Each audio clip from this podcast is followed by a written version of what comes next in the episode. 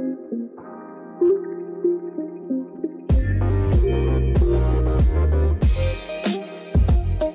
you.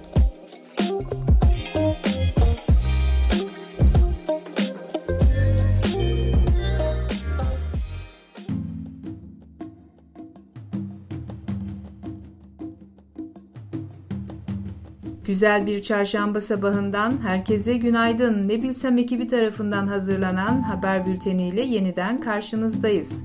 Hazırsanız başlayalım.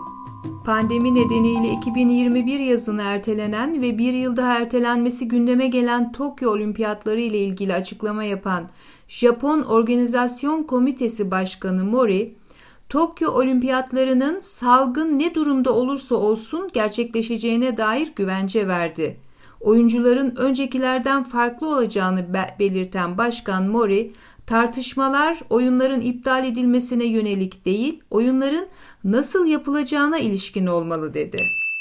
Avrupa'da 2020'de büyüme oranı %-6.8 olarak açıklandı.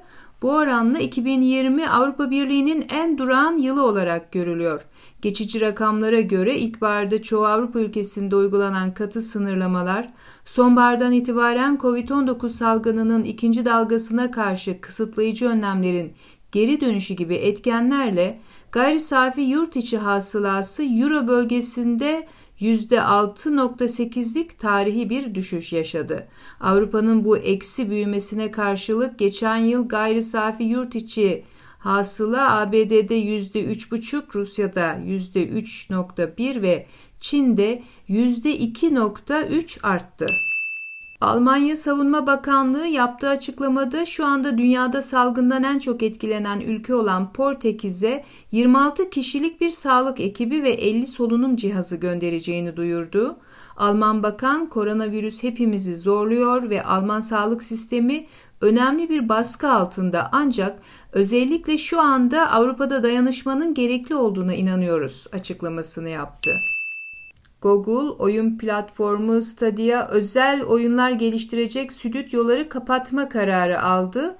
2019 yılında Stadia isimli oyun platformunu duyuran Google, platform sayesinde en popüler oyunlara internet üzerinden erişilmesinin sağlanacağını ve bu hizmet için oyun stüdyoları aracılığı ile platforma özel oyunlar geliştireceğini açıklamıştı. Ancak son yapılan açıklamada Montreal ve Los Angeles'ta kurulan stüdyoların bir oyun geliştirmenin büyük finansal sonuçlar doğuracağı düşünülmesi nedeniyle kapatılacağı belirtildi. Stadia ise diğer yapımcıların en iyi oyunlarını sunmaya devam edecek. Ne bilsem ekibi tarafından hazırlanan haberlerin sonuna geldik. Yarın daha güzel haberlerde görüşmek üzere. Hoşçakalın.